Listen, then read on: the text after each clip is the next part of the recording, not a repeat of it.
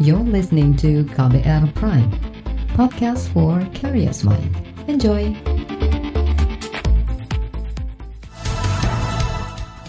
Selamat pagi saudara, kembali kami menyapa Anda dengan sejumlah informasi pilihan pagi hari ini di Buletin Pagi. Saya Eka Juli. Dan saya Don Brady, kami telah menyiapkan sejumlah informasi terkini di antaranya pemerintah siapkan jurus ekonomi hadapi dampak virus COVID-19. Militer dan BIN siap dilibatkan untuk hadapi darurat wabah COVID-19. Cegah pungli, lapas Banyuwangi terapkan penggunaan uang elektronik. Inilah selengkapnya Buletin Pagi KBR terbaru di Buletin Pagi.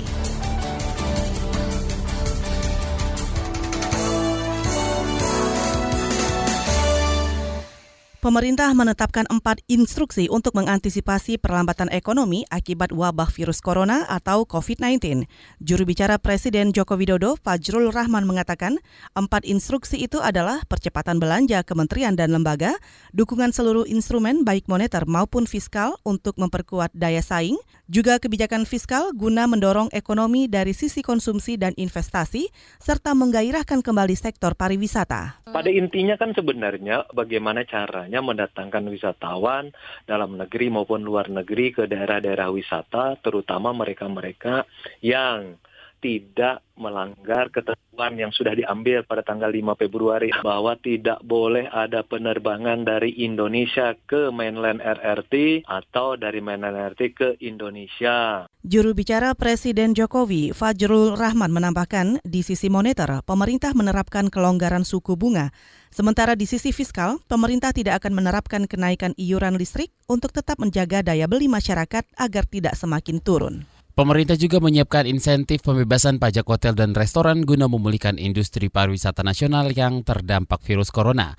Dirjen Bina Keuangan Daerah Kementerian Dalam Negeri Muhammad Ardian Nurfianto mengatakan hari ini akan memberi arahan kepada 36 kabupaten dan kota yang menerima insentif tersebut pada September mendatang. Untuk tempat kami sendiri di keuangan daerah ada dua hal yang menjadi perhatian. Pertama adalah pemberian insentif bagi sekitar 36 kabupaten objek wisata. Di sana itu nanti akan ada insentif kepada mereka sebesar 3,3 triliun paling besar ya. Dengan ketentuan mereka mau membebaskan pajak restoran dan pajak hotel. Itu yang pertama. Dirjen Bina Keuangan Daerah Muhammad Ardian Nurfianto menyebut kabupaten kota yang akan menikmati insentif itu antara lain Kabupaten Badung, Belitung, Malang, dan Toba Samosir. Namun saudara, kebijakan pemerintah memitigasi dampak perekonomian nasional akibat wabah virus corona secara fiskal masih belum menunjukkan konsistensi.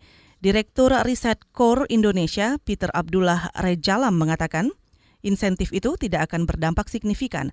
Alasannya, daya beli masyarakat sudah semakin terbebani pasca kenaikan iuran BPJS, cukai rokok, cukai plastik, dan lainnya. Tapi saya kurang sependapat dengan arahan Pak Presiden untuk mendorong pariwisata di hmm. tengah kondisi yang mencekam saja. Memang ini adalah sepertinya suatu langkah yang uh, bisa diharapkan cepat menghasilkan sesuatu. Apalagi untuk mengundang wisatawan mancanegara, itu risikonya terlalu tinggi. Di tengah kekhawatiran terhadap virus corona ini ya sekarang ini kan sudah mulai ada kekhawatiran akan terjadinya pandemi. Nah itu tingkatannya sudah sangat membahaya. Seharusnya kita sangat waspada untuk menjaga agar supaya tidak terjadi ya ada kasus corona di Indonesia. Direktur Riset Core Indonesia Peter Abdullah Rejalam tetap mendukung kebijakan pemerintah memperkuat daya saing perekonomian nasional sekaligus mengantisipasi dampak wabah virus corona.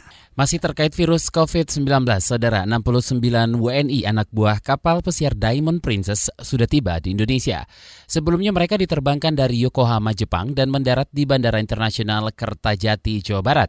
Sekretaris Ditjen Pencegahan dan Pengendalian Penyakit Kementerian Kesehatan Ahmad Yuryanto mengatakan puluhan ABK itu akan menjalani observasi selama 14 hari di Pulau Sebaru Kecil, Kepulauan Seribu, Jakarta. WNI kita yang bekerja di kapal itu 78. Kemudian dalam perjalanannya ada 9 yang sakit. Berarti tinggal 69. Dari 69 ini kemudian ada dua yang memutuskan tidak ikut pulang. Berarti tinggal 67. Nah ternyata 9 yang sakit, ada dua yang sudah negatif dan boleh pulang. Berarti 67 ditambah dua totalnya jadi 69. Itu tadi Sekretaris Ditjen Pencegahan dan Pengendalian Penyakit Kementerian Kesehatan Ahmad Yuryanto. Sementara itu Badan Nasional Penanggulangan Bencana atau BNPB menjelaskan 69 WNI ABK kapal pesiar Diamond Princess terdiri dari 67 pria dan 2 wanita. Selain itu ada juga 23 pendamping yang terdiri dari 11 kru pesawat dan 12 tim medis. Di Pulau Sebaru Kecil mereka menjalani observasi bersama 180-an WNI ABK kapal pesiar World Dream yang sudah lebih dulu tiba dari Hong Kong. Meski lokasinya sama, tapi tempat observasi mereka akan dipisahkan. Kita ke informasi olahraga. Real Madrid mengalahkan Barcelona 2-0 dalam laga El Clasico pekan ke-26 Liga Spanyol di Santiago Bernabeu dini hari tadi. Gol kemenangan itu disumbangkan Vinicius dan Mariano Diaz. Kemenangan ini membuat Real Madrid merebut posisi puncak klasemen sementara Liga Spanyol terpaut satu poin dari Barcelona. Dari dataran Inggris, Manchester City meraih gelar juara Piala Liga Inggris 2019-2020 setelah mengalahkan Aston Villa 2-1 di partai final yang digelar di Stadion Wembley Senin dini hari tadi. Ini merupakan gelar Piala Liga Inggris ketiga kali yang berhasil diraih anak asuh Pep Guardiola secara beruntun. Laporan khas KBR tentang observasi WNI yang dikhawatirkan terpapar virus COVID-19 akan hadir usai jeda tetaplah di Buletin Pagi. You're listening to KBR Prime, podcast for curious mind.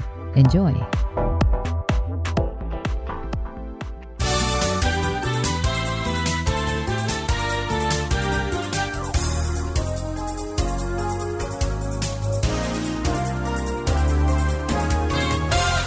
Terima kasih Anda masih mendengarkan Buletin Pagi KBR. Saatnya kami sajikan laporan khas KBR. Pemerintah kembali mengkarantina ratusan warga Indonesia karena khawatir terpapar virus corona. Kali ini, giliran ratusan awak kapal pesiar dibawa ke Pulau Sebaru, Kepulauan Seribu, Jakarta. Seperti apa observasi yang bakal mereka jalani? Berikut laporan khas KBR dibacakan Agus Lukman. Sebanyak 188 warga Indonesia akhirnya meninggalkan kapal pesiar World Dream Rabu lalu. Kapal perang KRI Dr. Soeharto milik TNI Angkatan Laut mengangkut mereka meninggalkan lokasi kapal pesiar yang terhenti di Selat Durian, Kepulauan Riau. Tujuannya adalah Pulau Sebaru Kecil, Kepulauan Seribu, Jakarta. Begitu turun langsung kita disinfeksi, langsung kita periksa kesehatannya setelah penyelesaian administrasi, menyangkut nama, kesesuaian paspor dan sebagainya kita periksa. Itu tadi Sekretaris Direktorat Jenderal Pencegahan dan Pengendalian Penyakit Menular dari Kementerian Kesehatan Ahmad Yuryanto. Para anak buah kapal Indonesia itu sebelumnya seperti tersandera ketika kapal pesiar tempat mereka bekerja menjalani berhari-hari karantina di terminal kapal di Hong Kong. Karantina diberlakukan setelah tiga penumpang kapal pesiar itu dinyatakan positif terkena virus corona penyebab penyakit COVID-19. Dua hari kemudian, 180-an warga Indonesia itu pun tiba di Pulau Sebaru di Kabupaten Kepulauan Seribu. Di pulau tak berpenghuni ini mereka bakal menjalani 14 hari masa karantina dan observasi kesehatan. Pulau Sebaru kecil diklaim memiliki fasilitas observasi lengkap, di pulau ini terdapat delapan bangunan, masing-masing dua lantai dengan kapasitas 180-an tempat tidur yang bisa ditambah hingga menjadi 200 tempat tidur. Lengkap dengan televisi, AC, toilet, hingga alat telekomunikasi. Bangunan ini diresmikan Presiden Susilo Bambang Yudhoyono pada 12 tahun lalu untuk rehabilitasi para pecandu narkoba. Di sinilah 180-an awak kapal pesiar World Dream itu bakal menjalani proses yang sama seperti observasi jilid pertama di Pulau Natuna. Ya, yang pasti eh, kembali lagi pada protokol yang ditetapkan oleh WHO, mereka yang keluar dari daerah yang eh, terkena wabah corona ini harus dijaga ketat, diobservasi ketat selama 14 hari. Kenapa 14 hari? Karena 14 hari itu adalah masa inkubasi virus, artinya masa masuknya virus sampai dengan munculkan gejala. Nah kalau sampai 14 hari tidak ada gejala sama sekali berarti betul-betul bersih. Pengalaman observasi di Natuna disampaikan warga Jawa Timur, Yuan Ferrero. Yuan Ferrero adalah mahasiswa Indonesia yang kuliah di Wuhan, Tiongkok, yang turut dalam rombongan observasi di Pulau Natuna. Jadi kita waktu ada di Natuna itu bangun paginya itu jam setengah enam. Habis itu langsung ada kegiatan senam pagi. Nah, habis senam pagi itu di tengah-tengah senam pagi gitu kadang-kadang kayak ada sedikit materi, materi tentang kayak kesehatan, terus kan habis senam ada sarapan pagi. Nah, habis sarapan pagi itu ada tes kesehatan itu kita diukur suhu, terus kadang juga ada tensi darah tiap hari. Untuk tensi darahnya dua kali seminggu. Untuk yang tes suhu tubuh itu dari habis makan pagi, terus sama habis makan malam.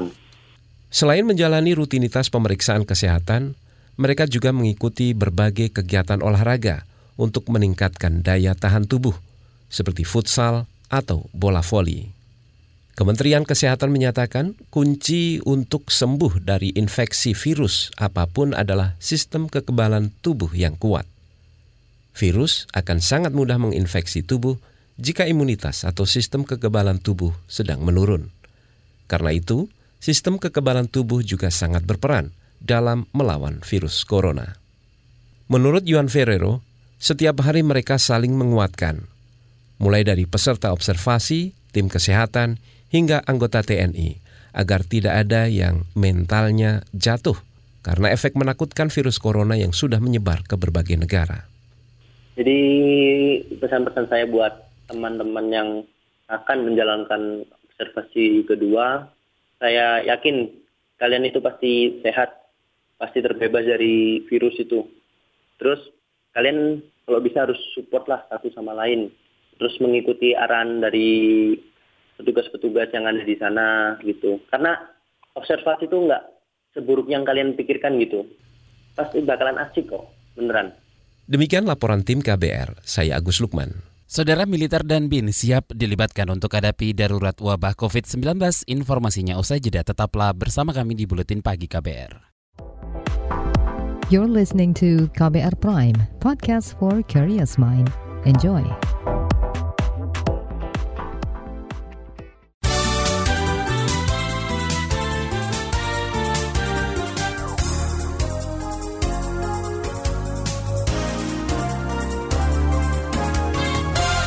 Anda masih mendengarkan Buletin Pagi KBR. Saudara DPR akan membentuk panitia kerja penanganan virus corona baru atau COVID-19. Anggota Komisi Bidang Pertahanan dan Keamanan DPR, Bobby Adityo Rizaldi, mengatakan panja akan fokus pada kesiapan negara menanggulangi keadaan darurat apabila kasus virus corona mewabah di dalam negeri. Bobby juga merujuk kajian PBB yang mewajibkan militer terlibat aktif menanggulangi darurat wabah tersebut. Kalau sampai terjadi uh, situasi tersebut, situasi darurat di mana adanya public service yang tidak jalan uh, atau uh, pelayanan publik tidak jalan, tidak uh, abs, banyak absen dan ada overheat dari sistem kesehatan nasional yaitu contohnya misalkan rumah sakit penuh semua terjadi uh, masker rebutan sehingga ada uh, kriminal di luar tingkat normal itu kita ingin memastikan Indonesia memiliki kapasitas untuk menanggulangi hal tersebut. Anggota Komisi Bidang Pertahanan Keamanan DPR Bobby Adityo Rizaldi juga menambahkan, pembentukan panja juga dimaksudkan agar Kementerian Pertahanan dan Badan Intelijen Negara terlibat penanganan darurat wabah COVID-19. Bobby juga mengklaim wacana pembentukan panja ketahanan negara untuk menghadapi virus tersebut mendapat dukungan seluruh fraksi di DPR. Badan Intelijen Negara atau BIN siap dilibatkan untuk hadapi virus COVID-19. Juru bicara Badan Intelijen Negara Wawan Purwanto menyebut kondisi darurat wabah COVID-19 bisa mengganggu keseimbangan banyak sektor industri domestik. Eh, kita harus eh, masuk ke seluruh elemen, jadi tidak boleh apa absen karena memang ini kalau menjadi wabah tentu akan menggerogoti sistem ketahanan nasional dan stabilitas nasional, termasuk stabilitas ekonomi, bahkan bisa mengarah ke stabilitas politik. Jadi eh, intelijen masuk.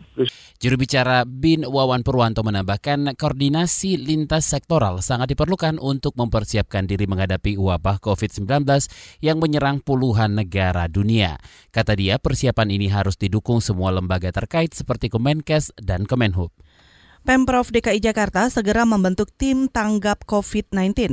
Gubernur Jakarta Anies Baswedan menjelaskan, tim itu dipimpin asisten Kesra Pemprov DKI Jakarta. Tim tanggap tersebut fokus pada upaya meningkatkan kewaspadaan dalam menangkal penyebaran virus corona. Nantinya akan menjadi pusat pengendali untuk pemantauan, pencegahan, dan penanggulangan COVID-19. Jakarta tidak bergerak sendirian, kita berkoordinasi dekat dengan Kementerian Kesehatan dan juga badan-badan yang menangani masalah ini di pemerintah pusat. Gubernur Anies Baswedan menambahkan, Jakarta rawan menjadi tempat penyebaran virus corona atau virus COVID-19 karena merupakan pintu masuk bagi warga negara asing.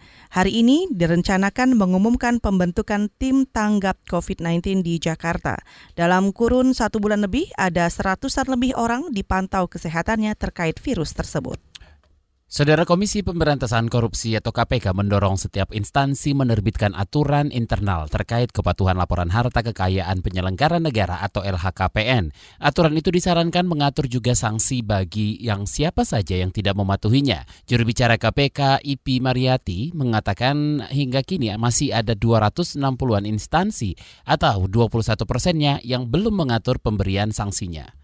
Untuk meningkatkan kepatuhan pelaporan harta kekayaan penyelenggara negara, KPK mendorong instansi untuk menerbitkan aturan internal. Dari data yang KPK miliki, dari sekitar total 1.375 instansi yang terdiri dari kementerian, lembaga, pemerintah daerah, BUMN dan BUMD, serta DPR dan DPRD, tercatat sekitar 90 persen atau sebanyak 1.237 instansi yang telah memiliki aturan internal terkait LHKPN. Juru bicara KPK IP Mariati menambahkan hingga Februari tercatat ada 51 instansi yang sudah 100% memenuhi LHKPN. Tingkat kepatuhan LHKPN maksud kami secara nasional yang meliputi lembaga eksekutif, yudikatif, legislatif, dan BUMN, serta BUMD baru mencapai 51%. Selain itu ada tiga staf khusus Presiden yang belum menyampaikan LHKPN. KPK menetapkan batas waktu penyerahan LHKPN berakhir pada akhir Maret ini. Informasi mancanegara dan daerah akan kami sampaikan sesaat lagi, tetaplah di Buletin Pagi. You're listening to KBR Prime, podcast for curious mind. Enjoy.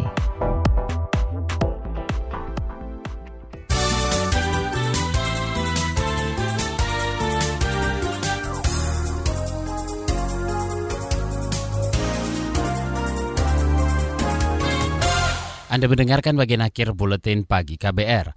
Kita awali dari informasi mancanegara, Saudara Paus Franciscus menyatakan bakal melewatkan prosesi retreat spiritual sebelum pasca selama sepekan. Ini lantaran flu yang dideritanya. Retreat dijadwalkan akan dilakukan bersama pejabat senior Vatikan. Pengumuman Paus itu kemudian menjadi pidato yang mengejutkan bagi warga Vatikan.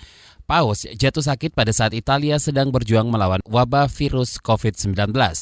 Juru bicara kepausan Matteo Bruni pada akhir pekan kemarin sempat membantah spekulasi bahwa Paus Franciscus menderita sakit ringan. Presiden Partai Pribumi Malaysia Bersatu atau Partai Bersatu yang juga bekas Menteri Dalam Negeri Kabinet Pakatan Harapan Muhyiddin Yassin resmi dilantik sebagai Perdana Menteri ke-8 Malaysia di Istana Negara. Namun bagi sebagian warga Malaysia yang kurang puas, mereka mencibir dan mempopulerkan tagar Not My PM di akun Twitter masing-masing. Tagar itu sempat menjadi trending topik Malaysia dengan jumlah pencuit mencapai lebih dari 16.000 sepanjang hari kemarin. Beralih ke informasi daerah, saudara produk UMKM Banyumas, Jawa Tengah masih terkendala teknologi pengemasan untuk bisa menembus pasar modern. Ketua Paguyuban UMKM Rawalo Banyumas, David Oktanugraha mengatakan akibat kurang menguasai teknologi pengemasan, banyak produk UMKM Banyumas gagal saat hendak dipasarkan melalui jaringan waralaba.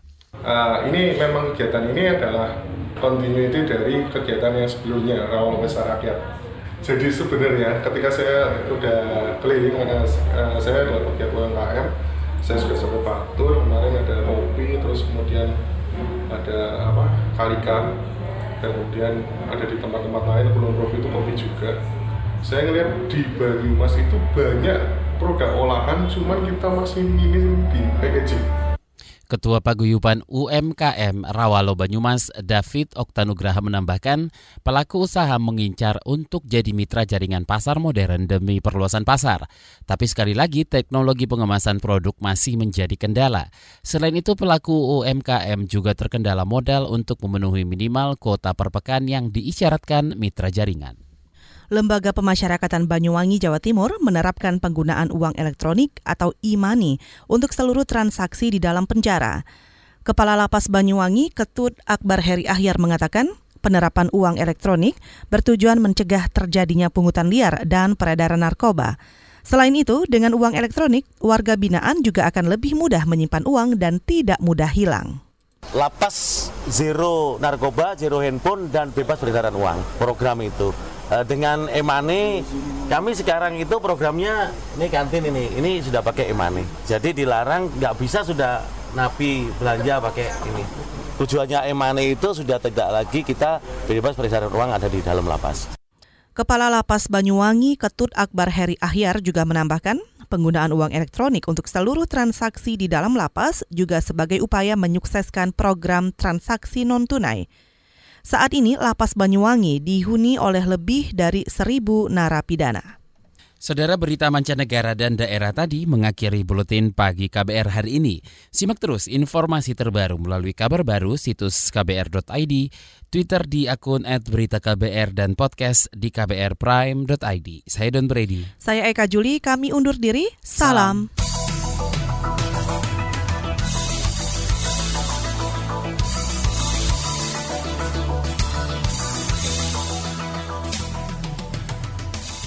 KBR Prime, cara asik mendengar berita. KBR Prime, podcast for curious mind.